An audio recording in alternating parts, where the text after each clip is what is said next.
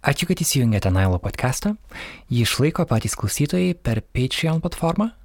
Nuo praėjusio epizodo prisijungė Virginija Abro ir tapo 460-ąją mūsų prenumeratorė. Prisijungite ir jūs, adresas yra patreon.com slash nanuk multimedia, kaip vienas žodis. Šiandienos epizodą pristato nacionalinė nevyriausybinių vystomojo bendradarbiavimo organizacijų platforma. Šį epizodą išleidžiame neįprastu laiku, penktadienį. Tai darome solidarizuodamėsi su Fridays for Future judėjimu už kitokį mūsų santykį su klimatu. Aš esu Karolis Višniauskas. Gero klausimo.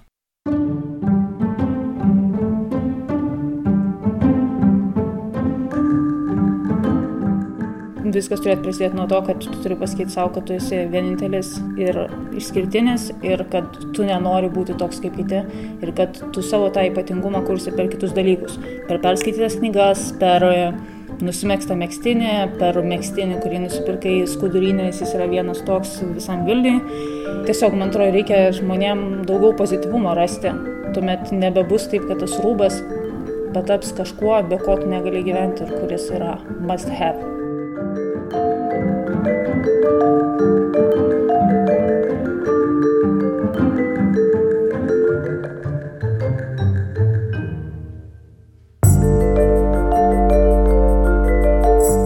Pradėkime nuo šiek tiek statistikos.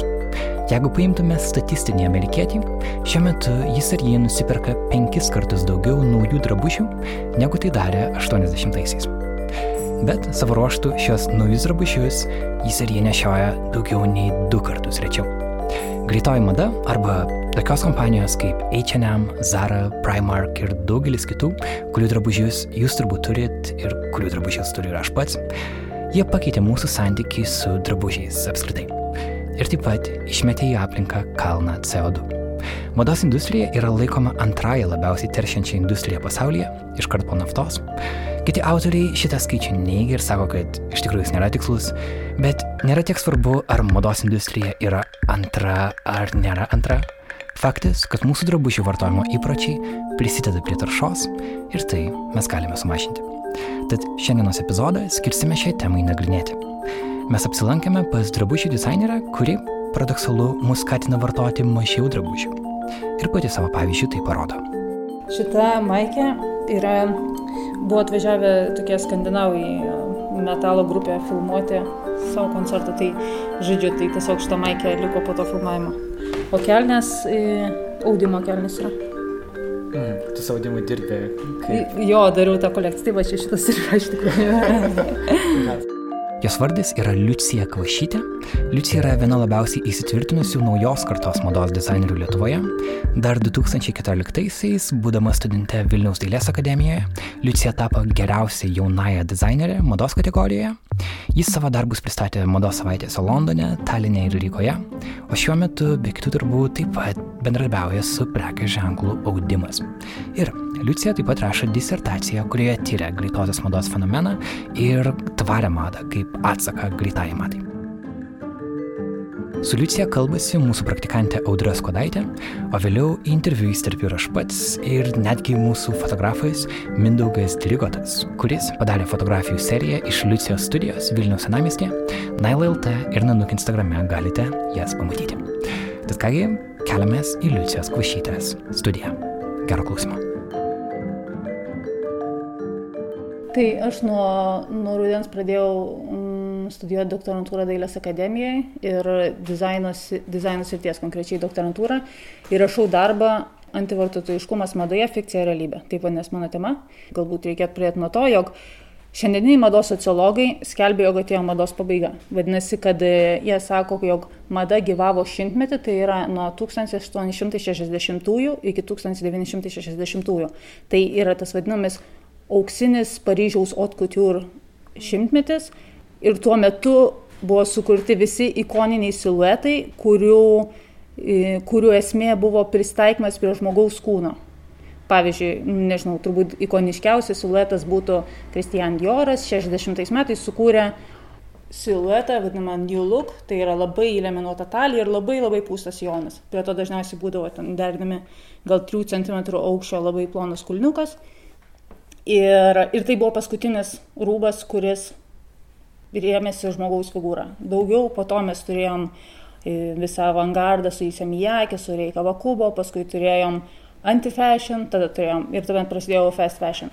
Tai šiandien mados sociologai sako, jog mes esam prieėję end of fashion, mados pabaigą, kuri, nuo kurios reikėtų pradėti svarstyti, kokia bus mados ateitis. Ir mados ateitimi jie vadina tą sustainable fashion, tą tvarę darnę madą. Tačiau e, mano manimu, mada ir tvari mada tai yra oksimoronas visiškas. Dėl to, nes mada yra tai, kas, e, kas visiškai išlaisvina dizainerio vaizduotę, kai jisai kūrė pagal savo inspiracijas, remdamasis menu, kelionėmis, kažkokiais, e, kažkokiomis vizijomis. Ir, ir tam, kad padarytų tą kūrinį kuo įspūdingesnį, kuo geresnį ir kad visiškai laisvai išpildytą savo idėją, jisai turi turėti galimybę naudotis viskuo. O ta tvari mada, ji tave labai apriboja. Tu turi rinktis tokį audinį, tu turi rinktis, e, nežinau, tik tais e, vietinius gamintojus, tu turi tuomet tokias kainas turėti ir visa kita. Tai mano, darbas, mano darbo tikslas yra viena, sakykime, iš hipotezių dabar, tai yra apsvarstyti tą tvarios mados kaip mados ateities galimybę ir, ir tuo pačiu sukelti žmonėm tą tokį pamastymą apie tą mados beprasmiškumą. Tai tu nematai tvarios mados kaip bus, kaip galima varianto ateities madai? Man, aš iš vis nelabai tikiu tvarios mados kaip apibrėžimo, kaip pačiu apibrėžimo. Man atrodo, kad tvarumas tai yra filosofija, tai yra gyvenimo būdas. Pavyzdžiui, žmonės galvoja, kad nusipirks lemputę, kuri taupo energiją, bet žibins ją keurą dieną. Ir, ir, bet iš tikrųjų tai ta lemputė, jinai nepasidarys geresnė nuo paprastos, jeigu mes e, negalvosim, jog išeinant iš patalpos reikia tą elektrą išjungti. Pavyzdžiui, nuo 98 iki 2000 iš tos du metus kompanija Electrolux padarė tokį tyrimą Gotlando saloj, e, išdalino visom namų šeimininkėms kalbamo mašinas nemokamai, bet tiesiog jų buvo pritaistas toks aparačiukas, kuris e, kuris skaičiavo, kiek kartų tu skalbi, kokia yra apkrova mašinos ir visa kita. Ir iš tikrųjų žmonės tada labai pradėjo atsakingai žiūrėti į tą, į tą skalbimą. Žiūrėdavo, oi, čia nepilna mašina, gal čia tas rūbas tiesiog prisigėrė kokio nemalonaus kvapo, gal jį tik išvedin, gal neskalt ir visa kita. Tai galim galvoti, kad oi, čia Electrolux darėsi reklamą ar ne, bet tuo pačiu jie kėlė samoningumą. Tai man atrodo, kad tai yra va, geras pavyzdys, kaip, e, kaip mes turėtumėm tiesiog kelt samoningumą ir visų pirma, ne, ir visų pirma galvoti apie tai, kad kaip mums reikia vartoti, o tuomet, jeigu mes, nežinau, pirksim, pavyzdžiui, kašmyro paltą, kuris kainuos labai daug, bet jeigu mes jį naudo, vartosim atsakingai, jeigu mes jį gerai prižiūrėsim ir paskui po mūsų galės dar nešioti, nežinau, ir dukra, ir gal dukros dukra, tai tuomet nėra nieko blogo tame daikte, bet tiesiog reikia galvoti ir taip, reikia mažiau pirkti reikia pirkti geresnės kokybės daiktą. Mm, bet e, jeigu mums reikėtų dabar visiems atsisakyti, atsisakyti džinsų, tai turbūt būtų visiems labai sunkus sprendimas, nes džinsų porai pagaminti yra labai daug vandens išnaudojama, pavyzdžiui. Bet jeigu tos džinsus pirksi geros kokybės, kurie nenusiskalbė spalva iš karto, kurie yra ten su vienu procentu tik elastano, tai, tai bus amžinai džinsai. Ir kaip aš, pavyzdžiui, turiu tėčio džinsus, kuriuos jisai paauglystėje gavo, tai lopė ten vieną ant kito lopo, taip dailiai viskas buvo ten sutvarkyta ir matys, kad jis mylėjo tos džinsus. Ir tai yra puiku, taip turi būti, o ne, o ne kad daiktas panešiojamas ir išmetamas. Nes 30 kartų žmogus turi apsirengti rūbą tam, kad atsipirktų jo visą gamybą. O vidutiniškai žmonės panešioja daiktą 1,75 kartą, man atrodo, taip yra. Šitas visai įdomu, nes aš dar šiandien žiūrėjau truputį statistikos, kad e, šiaip rūpai sudaro apie 3 procentus visų anglės dioksido e, išmetamų dujų, mm. pagaminamų, nu, visokių produkcijos išmetamų dujų, bet kad didžioji dalis to yra ne tiesiog rūbų pagaminime, bet apskritai, kad mes nešiojame tos rūbus, mes juos greitai išmetame, kad mes e, juos kalbame nuolat ar džiavyklės dedame ir panašiai. Tas Taip. buvo įdomu, kad tada kiek irgi tos atsakomybės krenta pačiam vartotojui, o ne tik e, gamintojui. Taip, taip, taip, jo, man atrodo, bet čia yra toks jau švietimo klausimas. Ir, ir taip tiesiog negalima kaltinti gamintojų, nors iš tikrųjų tie, kas gamina, turėtų ir užsiimti tuo švietimu. Ir, pavyzdžiui, nežinau, tarkim, kalbėtume apie H&M ar ne kompaniją, kuri visuomet yra labai eskaluojama, kad jie nuostolingi, greitoji mada, blogai ir visą kitą, bet jie, pavyzdžiui, dabar daro ten surinkimą senų rūbų, kur tu gauni ten procentą kažkokią ar kažkiek nuolaidą kitam apsipirkimui. Nu, kaip pasakyti, yra ta pati mašina ir tos pačios taisyklės, bet tarsi yra bandoma kažkaip spręsti, kažkaip mhm. pristabdyti visą tą grūties efektą. O tas įdomu, šiaip ką manai apie tai, kaip, kaip tos, tos pačios, sakykime, greitosios mados didelės korporacijos mm -hmm. išleidžia kokią vieną liniją, va, končias, tarkim, mm -hmm. H&M ar taip toliau. Tai čia ar geras žingsnis, ar čia kaip tik yra, jie gali va, kažkaip paslėpti savo visas blogybės, ką jie daro, parodydami, kad, o, mes čia rūpinamės iš tikrųjų, nors tai galbūt nėra didžioji dalis to, ką jie daro. Aš esu linkus žiūrėti pozityviau, man atrodo, kad kiekvienas žingsnis siekiant kažko gero, tai dažnai jis yra jau, kaip pasakyti, intencija gera jau yra gero darbo dalis. Tačiau čia yra marketinginiai dalykai. Jie sukuria tą končias, pažiūrėjau, liniją, su kuria pritraukia žmonės, bet paskui tu pamatai, kad kaina kokia yra ir tuomet šalimai žiūri, nu, vat visiškai tokia pati. Na, bet kainuoja, nežinau, penkis kartus mažiau. Nu, ir tu nusipirki tą suknelę, kuri po dviejų kartų skalbimo nusigumuluoja ir nustampo ir spalva keičiasi ir visą kitą na, čia, bet tai toks yra biznis, tiesiog, mm, kaip pasakyti. Atrodo, kad kai atsirado manufaktūros, tai čia buvo išsilaisvinimas, visi galėjo pirkti, ką norėjo, nebebuvo luomų sistemos ir tai buvo tikrai labai gerai, nes žmogus pagaliau galėjo kurti savo individualumą labai paprastom sąlygom. Tačiau žmogus niekada nenori nustoti vartoti. Jis vartoja eidamas mišką, vartoja mieste, vartoja visur ir, ir tas jo vartojimas tiesiog, man atrodo, čia buvo laiko klausimas, kada jis prieis iki, iki tokio lygio. O čia dar minėjai apskritai, kaip ta, nu, ta greitoji mada, kaip atėjo, ar kaip seniau neturėdavom pasirinkimo O dabar žmogus yra laisvas nusipirkti praktiškai bet kokį rūbą už mhm. ganėtinai, sakykime, nebrangę kainą, ypač jeigu tai yra greitosios mados tam tikros parduotuvės. Tai Lietuvos kontekstas irgi yra ganėtinai įdomus galbūt to klausimu, nes mes šiaip palyginus dar visai neseniai tikrai neturėjom tiek daug pasirinkimo rūbų ir net ta greitoji mada atėjo gal nu, pakankamai neseniai į Lietuvą. Jo, aš iš tikrųjų galvojau apie tai, man atrodo, kad ir tos e, greitosios mados parduotuvės nesiniai atsirado, bet to pačiu ir žmonės nesiniai pradėjo uždirbti tiek, kad apskritai galėtų mm, rūbams skirti pinigų, kaip pasakyti, ne tai, kad atėjo žiema ir reikia žieminių batų, bet kad galiu nusipirkti antrus žieminius batus ar ne. Tai e, taip, aš manau, kad iš tikrųjų yra tas momentas, kad žmonės dabar nori ir nelabai galvoja ir galbūt jų net nepriversi galvoti apie kažkokį samoningumą. Tačiau, kaip pasakyti, aš visuomet, žinai, svarstau tokį dalyką. Pavyzdžiui, kai aš augau, mes e, neturėjom daug pinigų ir dėl to aš tiesiog mūsų šeima nebuvom vartotojai, dėl to, nes, nes galim sakyti, neturėjom galimybės, arba, pavyzdžiui, aš esu antras vaikas šeimoje, tai aš nešiau tai, kad nešiojo prieš tai mano sesė, ir paskui mano brolis kartais nešiodavo šis mergaitiškus rūbus, dėl to e, dabar jis pyks ant manęs. tai, e, tai, žodžiu, dėl to man atrodo, kad jeigu iš žmonių atimtum pinigų truputėlį, tai tiesiog viskas taip nu, pasitvarkytų. Bet aš... Radom sprendimą. Taip, nes aš suprantu, bet čia ir yra toks dalykas, kad e, pinigai duoda tą laisvę, bet samoningumo tarsi neduoda. Ir, ir dabar, nežinau, tai, kad žmogus yra laisvesnis savo sprendimuose, yra labai gerai, bet tiesiog galima turėti lygiai tokį pat laisvą sprendimą, tik tais kaip pasakyti, kitam lygmenį. Pavyzdžiui, aš manau, kad daugelis, tarkim, jaunų merginų, kurios labai nori rengtis tam madingais rūbais ir visa kita, bet neturi pinigų, jos tikrai savo palengvintų gyvenimą, jeigu tiesiog pasakytų savo, kad aš neįsiu į H&M, aš neįsiu į Zara, neįsiu į Mango, aš, pavyzdžiui, eisiu tik tais į skudrynus tos vadinamus, ar ne? Ir tuomet tu tikrai būsi originali, tas paiešk, kaip pasakyti, tenai kažką susirasti, tai yra stilius, tai yra originalumas. Ir, ir tiesiog čia yra apsisprendimo reikalas.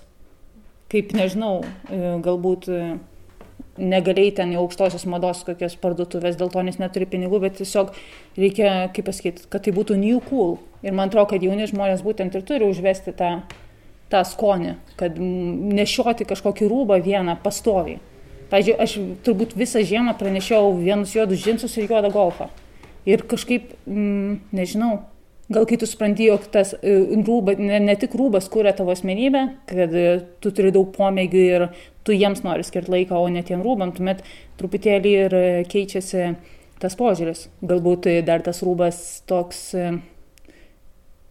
maskuoja kažką arba sukuria, tai yra, tai yra rūbo funkcija faktas, bet manau, kad žmonės turėtų truputėlį atsipalaiduoti ir labiau galvoti, kaip jie gali savo asmenybę kurti savo darbais ir taip, kaip jie šneka, negu kad kaip aš čia apsirengsiu ir dar išversiu, kad etiketė matytųsi. Bet ar tai buvo visada? Man galbūt dabar praėjus tai tiem penkiem metam po H&M atsidarimo, dabar ateina tik tai tas suvokimas, kad, aha, gal iš tikrųjų vis tie drabužiai, kuriuos aš pirkau 2014-aisiais, man iš tikrųjų jų nereikėjo. Aš pats savį tikrai labai turiu, aš ten bandau ir per visokius vinted pardavinėti, ir dalį atiduodu, dalį bandau kažkaip naujai atrasti, bet supranti, kad iš esmės yra tam tikri drabužiai, kuriuos tu mėgsti, ir yra kiti, kuriuos tu turi, nes maniai, kad mėgsti, bet tu jų galiausiai nenešioji. Ir dabar aš stengiuosi nepirkti naujų drabužių, nes atrodo, kad jų turiu pakankamai.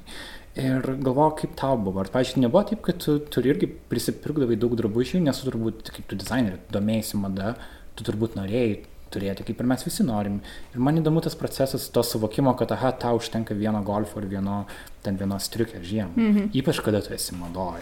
Um, kaip ta, kaip, kok, per kokį tu procesą perėjai, kad tai suprastum ir galbūt, žinai, kiti žmonės gali pabandyti tą patį. Mm, nežinau, vis pirma, tai aš save laikau labiau dizainerė negu stilistė ir manau, kad šitie dalykai, mm, kaip pasakyti, jie yra gana ženklus skirtumas, nes, pavyzdžiui, iš stilisto mes tarsi galėtumėm reikalauti, jog jisai savo, kaip pasakyti, kad jisai savo išvaizdą reprezentuotų savo darbą. Jeigu aš gerai esu apsirengęs, vadinasi, aš mokėsiu aprengti ir tave, ir tu nežinau, fotosesija arba ten kažkokia kampanija ateis rengtis pas mane.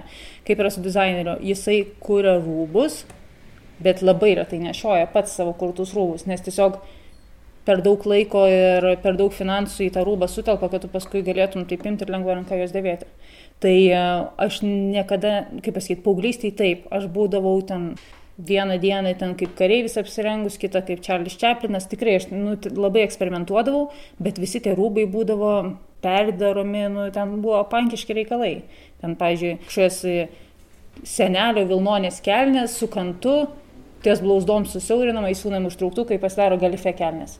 Ten, nežinau, paskui prie kažkokio palto prisisūni ten ant pečius su kutosais ir čia toksai kaip Prancūzijos revoliucijos kažkoks gaunasi vėl, nežinau, Napoleono Bonaparto kažkoks švarks. Tokių buvo, bet buvo ten tikrai e, darbščių rankų burelis. Nebuvo niekada, kad, kad aš galėjau ar kad pirkau daug tų rūbų. Ir e, paskui, kai pradėjau, jau po bakalauro pradėjau daug dirbti su reklamomis ir tuomet pastovi reikia į tas parduotuvės, pirkti rūbus, paskui ten kažkas, kažkokia dalis rūbų lieka pas tave, tu jais apsikrauni ir aš tiesiog mane kažkaip dusint labai pradėjo šitie dalykai.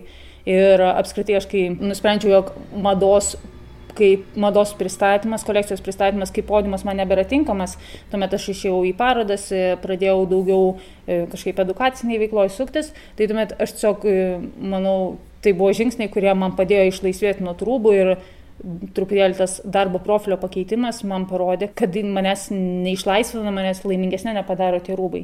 Taip, pats kūrybos procesas, jis visada man buvo svarbus ir jis yra turbūt net svarbesnis už rezultatą. Bet niekada nebuvau tokia, kuri turi belenkiek tų rūbų, bet man niekada jų tiek ir nereikėjo. O nežinau, jeigu kažkokio reiktų patarimo, tai tiesiog man atrodo, kad reikia kiekvienam paimti ir savo, atsidaryti savo spintą ir pasižiūrėti, kurį daiktą aš kada buvau užliejęs paskutinį kartą. Ir jeigu tu matai daiktą, kuris tau atrodo tikrai, kad tu jo nenešioji metus, tai tuomet imk ir atiduok geriausiam draugui. O jeigu tu matai, kad taip nenešiau jo metus, o gal ir dviejus, bet man jis toks fainas, nes aš jį parsivežiau, nežinau, iš Maroko arba čia man atidavė močiutė, tai supakuok maišelį, padėk į lentyną, kur, kurios niekada netikrinė, po metų išsipakuok ir pažiūrėk, ar tau vis dar jisai toks yra sentimentalus. Tiesiog yra tikrai kaifas būti neapsikrovus daiktais. Ar tu žiūri šitą Marie Kondo Netflix show, kur jinai tokia japonė, kurie ateina pas amerikiečius į namus? Man yra ir... pasakoja kažkas. mhm. Jo. Tai jinai sako, kad reikia kiekvieną daiktą paimti. Tai galioja ne tik drabužiam, visiems daiktam. Ir paklausti, ar šis daiktas tau teikia džiaugsmą. Mhm. Ir jeigu ne, tada tu jam padėkoji už tai, kaip jis tau tarnavo ir padedi į šoną. Jeigu taip, tada tai uh, padedi į tą krūvą, kurioje pasiliksi. Ir tada visas maikės ir ten šalikas ir pažiniai siūlo sulankstyti taip, kad jie būtų ne viens ant kito, o taip, kad, kad Aha. visus matytum visą... Kaip knygų lentyną, ne? Žodžiu, mhm. iš karto. Ir tada tu atsidarai spintą ir iš karto matai, kiek daug pasirinkimo turi. Ir čia dabar tokia yra nauja obsesija žmonių ir Lietuvoje visai nemažai kas pagauti. Tai, žodžiu, toks namų tuštėjimo, tuš, daiktų tuštėjimo metas dabar yra toks. Tai čia kartu kažkaip gražiai susiję. E, tarkim, aš galbūt rūbų atžvilgiu esu tokia, kuri gali apsėti su mažu kiekiu, bet tarkim man ten knygos, žurnalai man yra, pavyzdžiui, tai turbūt tas rytis, kur aš išsilieju. Ir tikrai aš, pavyzdžiui, galvoju, kad nusipirku žurnalą, kurį gal 3-4 kartus perverčiu, turbūt net visų straipsnių neperskaitau, bet, bet man dar vis tas popieriaus turėjimas yra svarbu. Ten jeigu tašino išpardavimas, tai ten, uf, viską prašluoju. Na, kaip pasakyti, nėra taip, kad e, aš esu kažkokia tobula nevartotoja. Aš esu vartotoja ir labai iš tikrųjų smarkiai kovoju su tuo savo vartojimu, pavyzdžiui, maisto atžvilgiu. Aš labai mėgstu maistą ir man labai įdomu yra ragauti ir visą kitą. Tai e, tiesiog aš turiu kitų būdų, kaip tą savo vartotojiškumą išlėti, bet mano atveju man rūbas nėra tai, kuo aš sukuriu kažkokią pridėtinę vertę savo. Man su tavo vartojimu tik primena dar irgi um, visai ta įdomi Singerio mintis, nežinau, žinai, uh, jis yra šiaip moralinis filosofas ir uh, jisai labai radikalus yra, bet irgi yra idėja yra tokia, kad net kiekvienas žmogus, kuris pasirenka uh, sakykime, nusipirkti antrą porą žieminių batų žiemą, kai jau vieną porą turi ir jinai yra nesunešiota, ją jisai gali nu, pilnai naudoti, e, tas žmogus yra amoralus, elgesi nemoraliai, nes tą sumą pinigų jisai galėtų, tarkim, skirti labdarai arba skirti mhm. kam nors kitam. Tai tiesiog man čia irgi įdomu tokia kažkokia idėja, kaip mes vartojame daugiau negu mums reikia ir galbūt prie to taip niekaip neprisidedam prie kažkokios pasaulio gerovės. Bet čia, aišku, jis irgi labai radikalus. Jis pats turi yra. tik tai vieną draugą. Filosofai dažnai jie supranta, kad jų, kad jų teorijos yra normatyvinės, tai jie jų nebūtinai laikosi irgi. Bet tiesiog čia tokia prisiminta mintis visai gal apie tą vartotojiškumą. Bet jo, atidamu, kaip Lietuvoje dabar keičiasi, atrodo, tik atsirado greitosios tas greitoji mada, dabar jau Marie Kondo, kaip jau visiems liepia mm -hmm. vėl čia mažinti tą vartojimą, ar tenais kažkaip neprisirišti prie tų daiktų. Man atrodo, e, nežinau, aš kažkaip, pažiūrėjau, netgi rašydama tą disertaciją, aš labai galvoju, kad kaip čia nepasidaryti dar vienai tokiai ekologijai, kuri visiems grumoja pirštu ir, žodžiu, kaip čia jūs neskriauskit gyvūnėlių ir, ir nepirkit ten, nežinau, natūralaus kailio ten gaminių. Bet iš tikrųjų aš manau, kad svarbiausia tai visuomet yra atsigręžti žmogų. Čia, pavyzdžiui, buvo vat, ŠMC paroda Vladas Ozarinskas, architektas be architektūros, man atrodo, taip vadinasi. Mes buvom e, ekskursijai su kuratorė ir ten įeinant į salę reikia ant bato apsiauti tos tokius maišelius, kur livoniai dažnai būna.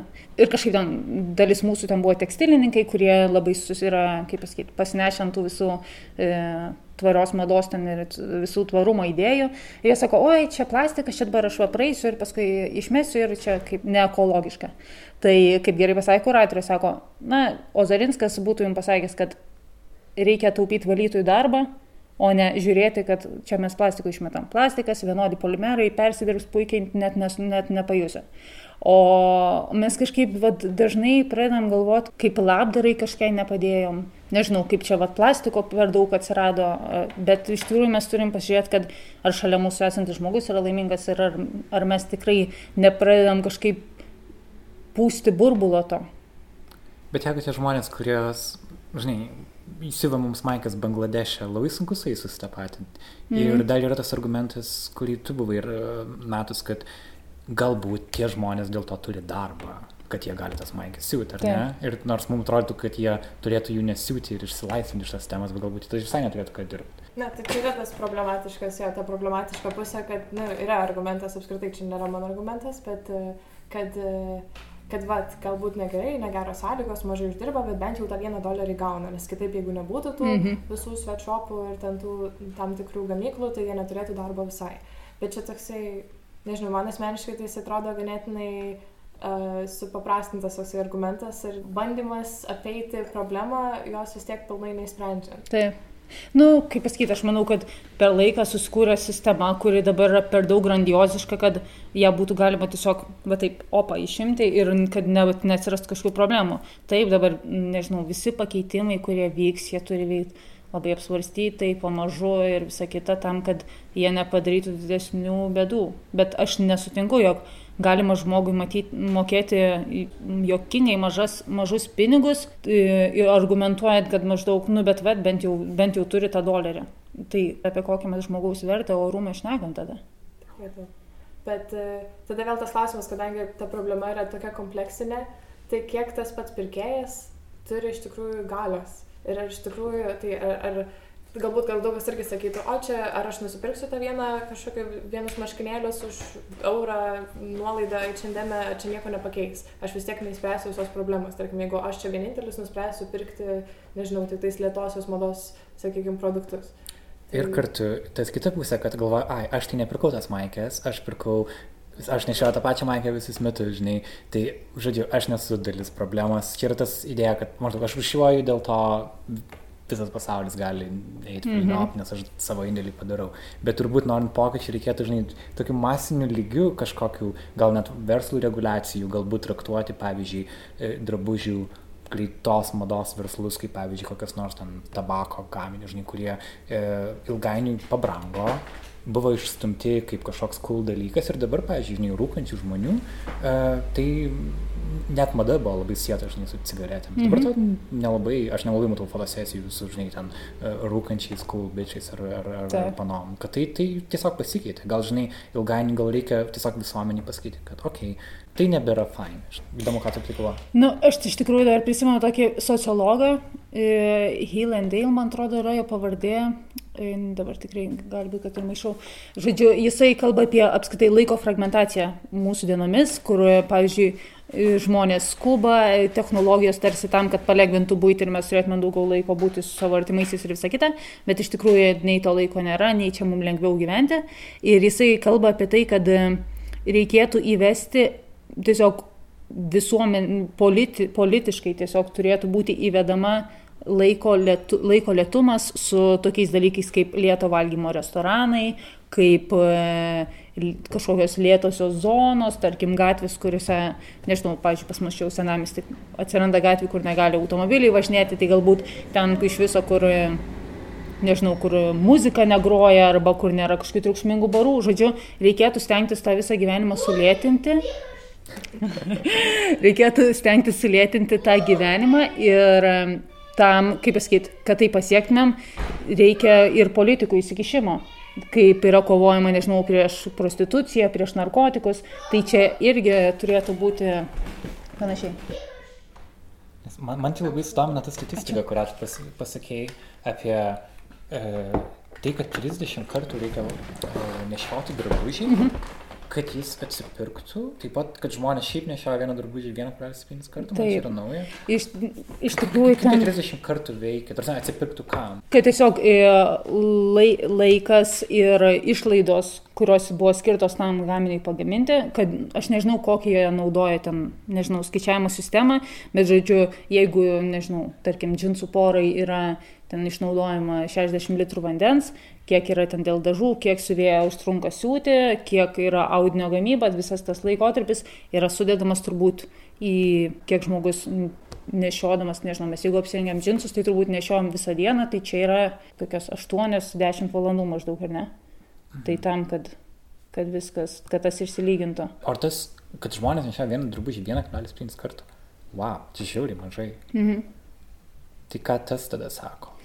Nes sako, kad vadinasi, tu nuolat perki naujus drabužius. Tu perki naujus drabužius ne tam, kad tau jų reikia. Tu juos perki turbūt visiškai dėl kitų priežasčių. Tu perki, nes tau sukūriamas noras, kad tau jų reikia, kad jie gražesni negu tie, kuriuos tu turi.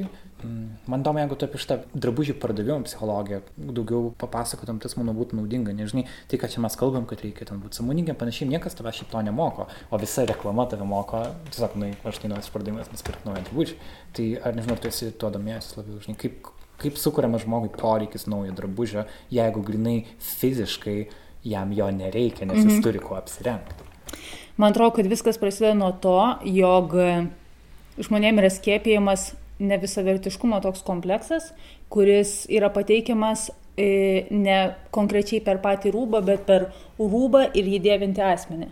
Tai pavyzdžiui, per supermodelį, e, paskui per, nežinau, ten princesę kokią, ar ne? Pavyzdžiui, ten suknelė, kurią buvo Meghan Markle apsirengusi, tai jinai nebėra tik suknelė, tai yra suknelė, kuri yra sėkmingos istorijos provaizdis ir, nežinau, suknelė, kurią nešioja Kendall Jenner, tai yra suknelė, kuri padaro ją dieviškai gražią. Ir kai yra viskas vilkama į tai, tai mergina, kuri, nežinau, yra visiškai netokio figūros tipo, arba, nežinau, jai netinka ta spalva, arba tiesiog jinai net realiai savo negalėtų leisti tokio brangaus daikto, jį jį perka dėl to, nes ji nori būti tokia kaip tas žmogus. Ir e, vis, tai, kaip pasakyti, visas tas e, influencerių, tas įtakos, Įtaka. įtakos formuotojų visas tas dabar judėjimas, sakykime, tai jisai yra grinai kuriamas tam, kad e, sužadintum žmogui norą pirkti. Ir jisai yra, nežinau, influenceriai yra, vienas influenceris reklamuoja 30 skirtingų veido kremų ir apie visus sako, jie visi puikūs. Nu, taip nebūna, bet žmogus mato nuotrauką nežinau, nuretušuota arba kokio po plastinės chirurgijos ir sako, nu bet tai jos tada tikrai tokia graži, nu ir bet kaip man čia tas kremas neveikia. Tai e, taip, yra viskas, viskas yra daroma šitaip ir e, yra brandai, kurie, kurie sako, va, imk ir būk e, pati gražiausia šį pavasarį, o kiti brandai, paaišku, koks Supreme ar ne, jisai, nežinau, visas jaunimas yra dėl jo pametęs galvą, bet jisai prasidėjo kaip riedlentininkų brandas ir jų marketingas yra kitoks, jie kaip tik uh, pastoviai skelbia, kad sold out, sold out, išparduota, tu nueini į parduotuvę, nėra jokių prekių, prie parduotuvės didelės eilės, įleidžia po du žmonės ir jie kuria tą įvaizdį, kad tu nesi mūsų dalis, bet labai nori būti. Tai stovėk eilėje, mokėk didelis pinigus ir, nežinau, norėdamas nusipirkti striukę, tu gausi tik tais kepurę su snapeliu, maks, dėl to nes kitų prekių nebėra. Tai čia yra tos skirtingos strategijos, kurios tiesiog pajungia žmogų ant tokios psichologijos, kad tu pastoji mąstytum apie tos rūbus ir kad tu juos suvoktum kaip savo tapatybės dalį. Bet kitas įdomus dalykas, pavyzdžiui, yra su kaip yra manipuliuojama vaizdu. Pavyzdžiui, tu nukeliauji į mūsų tą pačią beršką, ypač Pull&Beer, aš kaip tai buvau prieš porą savaičių, tai uh, įdomus momentas yra, kaip žaidžiamas šviesa. Ir praeisiais metais internete buvo darytas toks mini eksperimentas, uh, kai buvo sufotografuojamos skirtingos persirengimo kabinos. Tai buvo Ičemo, Berčkos, Pulambyro ir Zaros, man atrodo. Ir buvo parodyta, kaip šviesa gali parodyti, kad žmogui tas rūbas labai tinka. Jis į tą nusideda, atrodo, kad viskas yra gerai, jis grįžta mhm. namo ir jis nusivilia to rūbų, nes jisai nebetrodo taip gražiai prieš tą šviesą, nes tavo pagurklis yra visiškai užtemdomas, nes šviesa labai gražiai gula ant tavęs, rūbas atrodo išskirtinai, tu grįžti namo, tu nusivili ir ką tu darai, tu vėl keliauji ir perki ne dėl to, kad tu galbūt nuteistum, sakysime, tą uh, parduotuvę, kuri sukuria tą tokį vaizduotės įspūdį, kad tai yra tikrovė, bet tu toliau ją vartoji ir nieko nedarai. Tai ką tu galvoji apie tokią tendenciją? Čia yra iš tikrųjų įdomus dalykas, kad, vat, kaip tu sakai, žmonės grįžta namo, pamato, kad jie tai nebetinka jiem, bet iš tikrųjų žmonės nelabai yra linkę gražinti daiktus. Pavyzdžiui, internetinė prekyba tai yra vienas iš tų uh, kaip sakyti, vienas iš dalykų, kas labai paskatino tą didelį pirkimą ir, ir vėlgi tą mados e, žalą kuriamą gamtai, tai yra jau žmonės, ten, nežinau, iš Eisos ar iš kur nors ten internetinės parduotuvės užsako, atsisiunčia, ai netinka, bet dabar čia imt gražint kažkas tokio ir dažniausiai tas rūbas nugula pas tave lentynai. Bet tuomet galvojam, šiaip rūbat nori pasimatuoti, nes vis pirma, ar jis atitinka tavo figūrą, kitas dalykas, man, pažiūrėjau, labai svarbu pačiupinėti audinę nežinau, ten žiūgžda, nežiūgžda, ten rūpumas kažkoks yra, kritimas jo ir visa kita. Tai vadinasi, žmogus pirkdamas internetu atsisako jau to patyrimo ir tuomet jį tenkina tas rūbas, kuris yra tikrai labai iš pigaus audinio pasiūtas, be jokių be jokios pridėtinės vertės, kuri šiaip atrodo rūbų yra, nežinau, privaloma. Gerai, ateina išpardavimai kiekvieną kartą metų laikų tam tikrais mėnesiais ir tu žinai, kad e, atėjęs į parduotuvę, tu rasi daug pigių drabužių ir yra kažkoks azartas. Tu, ir tu galvoji, kad, ah, bet jie labai pigus. Tai prasme, drabužių pirkimas net nėra, žinai, ne, tu retai turi galvoti, maždaug ką aš prarasiu, kad nusipirksiu šitą daiktą, ką aš turėsiu paukoti vardant to, kad nusipirksiu šitą. Dar man atrodo, su greita mada yra pasiektas toks lygis, kad tu iš esmės nieko nerizikuoji. Ir, mhm. ir tada realiai tik tai tavo kažkokios vidinės valios pastangos gali tave sulaikyti nuo to pirkimo. Ir man įdomu, žinai, ką tu patartum žmonėm, kaip, kaip, kaip susilaikyti nuo to, nes pirkimas vis dėlto yra tam tikras džiaugsmas. Aš dažnai save pagaudavau, kad aš einu į parduotuvę drabužių ne tam, kad man realiai reikia, bet tiesiog man toks kaip vat, kažkoks kitoks laiko praleidimo būdas, tu nusipirki kažką, tu prani kažkokią naudą, tu daiktą, tu nežinai, ką ten rasi. Yra kaip žaidimas tam tikras. Mhm. Žinai, visi šitie dalykai, kurie tiesiog tau teikia džiaugsmą. Tai jeigu nusprendai tame nedalyvauti, vadinasi, turi kažkuo kitų tą džiaugsmą, iš kitur jį gauti. Ir man įdomu, ką tu, ką tu darai žmonėm, kurie neatsilaiko prieš išpardavimus? Galbūt reiktų, žinai, pradėti nuo to, kad e, visų pirma, žmogus turėtų įsivertinti, kaip jisai suvokia tą rūbą, žinai. Ir jeigu, man, tiesiog man atrodo, kad kiekvienas žmogus, kaip visų pirma, kaip pirmąjį argumentą turėtų būti, turėti, kad jisai turi savo pasakyti, aš esu unikalus ir aš esu išskirtinis ir, aš, ir tai man susikurti nepadės toks rūbas, kurį turės kas antras mano miesto gyventojas, ar ne? Vadinasi, iš karto tu atsisakai, e, atsisakai pirkti iš tų masinių parduotuvių, o plus jau kalbant apie išpardavimus, tu iš viso neturi ten žengti. Ir e, kitas dalykas, tu turi pripažinti, jog tas mm, pirkimas ir ypatingai pirkimas per seilus tai yra psichologinė problema ir, e, kaip pasakyti, jeigu tu nenori, tam, kad tu tu turi savo pasakyti, jeigu aš einu į išpardavimą, tai vadinasi, kad arba man tikrai labai kažko reikia, bet jeigu man taip reikia, kodėl aš laukiu užpardavimo, arba jeigu aš ten einu, vadinasi, aš turiu psichologinių problemų. Kokios yra tos problemos? Ar aš jaučiuosi negražus, aš jaučiuosi nemylimas, ar aš jaučiuosi nesvarbus, tai galbūt tu dirbi nemėgstamą darbą, galbūt tu bendrauji su netais žmonėmis ir visą kitą. Tai prasme, man atrodo, kad iš kitos pusės tie vartojimo scenarijai labai padeda mums, nu, kaip pasakyti, ta analizė, kurią mes atliekam, labai padeda spręsti kažkokias problemas savo vidinės. Bet e, man atrodo, kad tiesiog viskas turėtų prasidėti nuo to, kad tu turi pasakyti savo, kad tu esi vienintelis ir išskirtinis ir kad tu nenori būti toks kaip kiti ir kad tu savo tą ypatingumą kursi per kitus dalykus. Per perskaitytas knygas, per e, nusimėgstą mėgstinį, per mėgstinį, kurį nusipirkai skudurinį, jis yra vienas toks visam Vilniui Ir e, jo, kad tiesiog, man atrodo, reikia žmonėm daugiau pozityvumo rasti. Tuomet nebebus taip, kad tas rūbas pataps kažkuo, be ko tu negali gyventi ir kuris yra must have. O kaip tu manai, idealiai tinkantis rūbas žmogui gali padėti spręsti tą problemą? Dėl ko aš klausiu šitą klausimą, praėjusiu metu pabaigoje žurnalas Time išrinko 50 inovatyviausių išradimų, daiktų ir visokių, sakysim, priemonių. Ir vienas iš tų 50 man buvo labai įdomus tuo, kad Azijos beras mokslininkai sukūrė tokį kostiumą, kurį tu įsidedi ir jis paskaičiuoja, turėdamas vidinius jutiklius, koks yra tavo kūno masės indeksas, visą kitą ir pagal tai sugeneruoja, koks šimtų procentų rūbas tau tiktų ir pagal tai būtų jis pagaminamas. Tai mhm. aišku, nėra tokia masinė prekyba, bet irgi nori prisidėti prie tų drabužių vartojimo mažinimo vien dėl to, kad, ai, man šitas netiko, aš nusipirksiu kažką kitą. Ar tai gali būti kaip vienas iš būdų, ar ne nuo to reikėtų pradėti? Mm, sociologai sako, kad dabar e, tas, e, kaip yra tas 3D printinimas, ar ne, kuris yra taikomas objektų kūrime, ten turiu minėjai, nežinau, šaukštelį, kur statulėlį gali kažkokį išlėt, tai dabar jis yra pradedamas taikyti ir, taikyti ir e, rūbų pramonėje, tai tarsi yra numatoma, jog tai galėtų būti išeitis. Tačiau man atrodo, kad čia yra net ne apie tai, kad man tinka, netinka, tai yra truputėlį kiti momentai, kad tai yra, jog žmogus mm, turėdamas pastovę tą kaitą, tiesiog labai greit pavargsta ir vėl labai nori dalykų, bet iš tikrųjų yra viskas eina tokiam nežinojimui, nes tu realiai nesi apsisprendęs, kas ir apie ką tas rūbas yra. Jo, nes man irgi įdomu dėl to masinio vartojimo.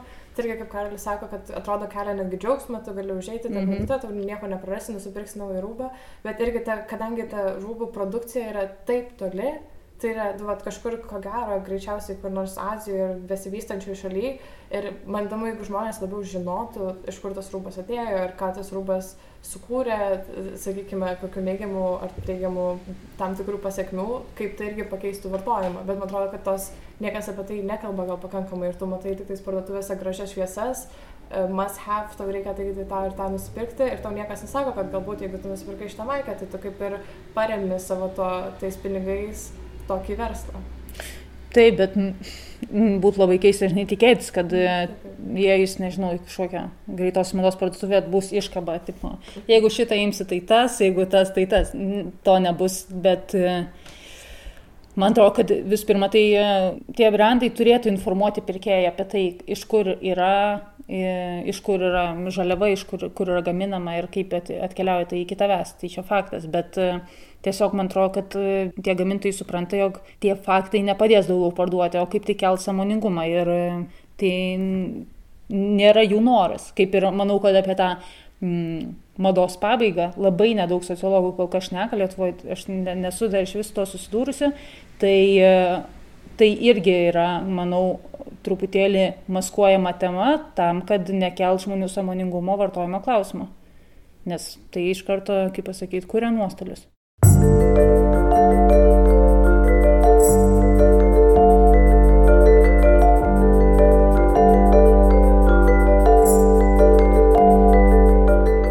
Toks mūsų epizodas šiandien. Ačiū, kad buvote kartu. Primenu, kad kalbėjome su mados dizainerė Liucija Kvašytė ir šį epizodą paleidome penktadienį, solidarizuodamėsi su Fridays for Future judėjimu, kovojančiu už tvaresnį mūsų santykį su klimatu. Interviu redagavo Martina Šulskutė ir aš Karolis Višniauskas. Mūsų muzikos kompozitorius yra Martinas Gailius. Mano studijinį balsą įrašome Martino Mašvido bibliotekoje. Čia dirba garso režisierė Aistė Baltraitytė. Nailo podcastą kuria žurnalistų kolektyvas Nanuk. Pristiekite prie mūsų veiklos adresu patreon.com slash nanuk multimedia. patreon.com slash nanuk multimedia.